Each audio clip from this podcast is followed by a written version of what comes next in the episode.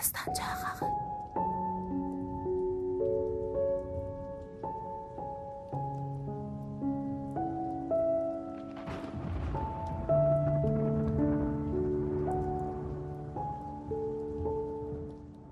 Küçənin başında yerləşən bir telefon köşkünün qabağında cəmaət səf bağlayıb.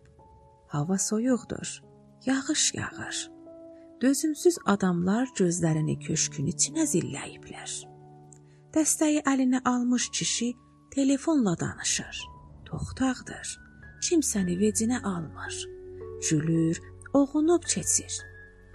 Bir cilə siqaret çıxarır, alışdırıb yenə də danışığa qızışır. Eşikdəki adamlar tələsirlər, sinirləri gərgindir, deyinirlər.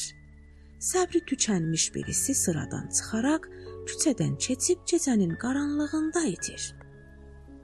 Bir-iki tələskən adam da sıradan çıxmağı düşünür. Sonra nə isə fikirlərindən daşınırlar. Sıranın başında durmuş kişi köşkün qapısını döyür. Köşkdəki adam qaşqabağını sallayaraq tələsməmələrini anladır. Hamının etiraz səsi ucalır. Amma köşkdəki kişi bir nəfəsə danışır. Gülə-gülə dəstəyi qoyur, telefon dəftərini götürüb köşkdən çıxır. Sevincindən dərisinə sığmır. Camaat acıqlı baxışlarla onu süzür, astaca söyürlər. O isə saymaz addımlarla qaranlıqda itir. İkinci nəfər telefon köşkünə girir. Bərk acıqlanıb. Dəstəyi qaldırarkən gözü indicə qaranlıqda itmiş adamın kölgəsini axtarır. Telefon dəftərini çıxarıb varaqlayır. Bir siccə salır, nömrələri yığır. Danışmağa başladıqda sir-sifəti açılır. Kravatının düyününü boşaldır. Danışır, danışır, yenə də danışır. Əyilir, düzəlir. O biri adam şüşəni döyür. Köşkün içindəki kişi onu saymır. Dışarıdakı kişi yenə də şüşəni döyür. İçəridəki kişi üzünü turşudub dözümlü olmalarına işarə edir. Yenə də danışır, ürəkdən gülür.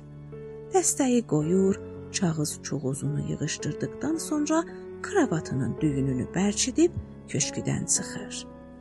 Hamı nifrətlə ona baxır. O da kimsəni saymadan yol alır, qaranlıqda itir.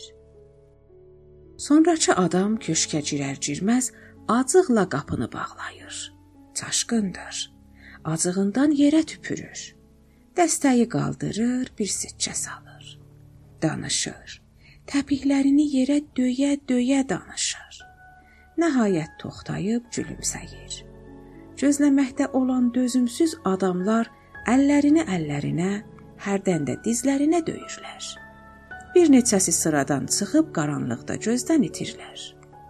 İçəridəki kişi köşküdən çıxır, cəyirir, sonra maşınına oturub tələsik uzaqlaşır. Cumbul bir arvad qoltuqlarında çəliyi köşkə girir. Bir az durub nəfəsini dərir. Dəstəyi qaldırır. Siccə salıb başlayır danışmağa. Nəsə soruşur, təəccüblənir. Çox incik görünür. Eşitmir, başa düşmür. Danışır, yenə də danışır. Sıraya düzülmüş adamlar beziciblər. Onlardan acıqlı birisi yumruqla şüşəni döyür. Qoca arvad məhəl qoymur danışa-danışa oğunub keçir. Qoltuq çubuqlarını bir yana atır. Kimsə içəri keçməsin deyə ayağını qapıya söykəyir. Eşikdəkilər cana gəlmişlər. Köşkə girən sonrakı adam 10 yaşında bir uşaqdır. Dəstəyi qaldırır, danışır, danışır. Hamı tələsir. Uşaq köşküdən çıxır. Sonra tələskənlər bir-bir içəri girir.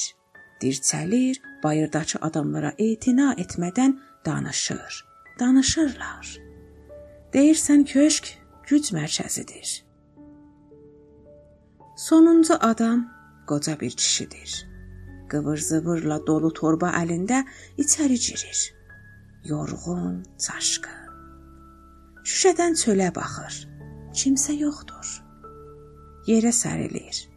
Uzanır ki, yatsın, yumruqla qapını döyürlər. Yeldir qapını döyür. Qoca kişi köşküdən eşiyə çıxır. Taxta oturacağın üstünə uzanır. Yel köşkə girib dəstəyi qaldırır. Yağış yumruqla şüşəni döyür.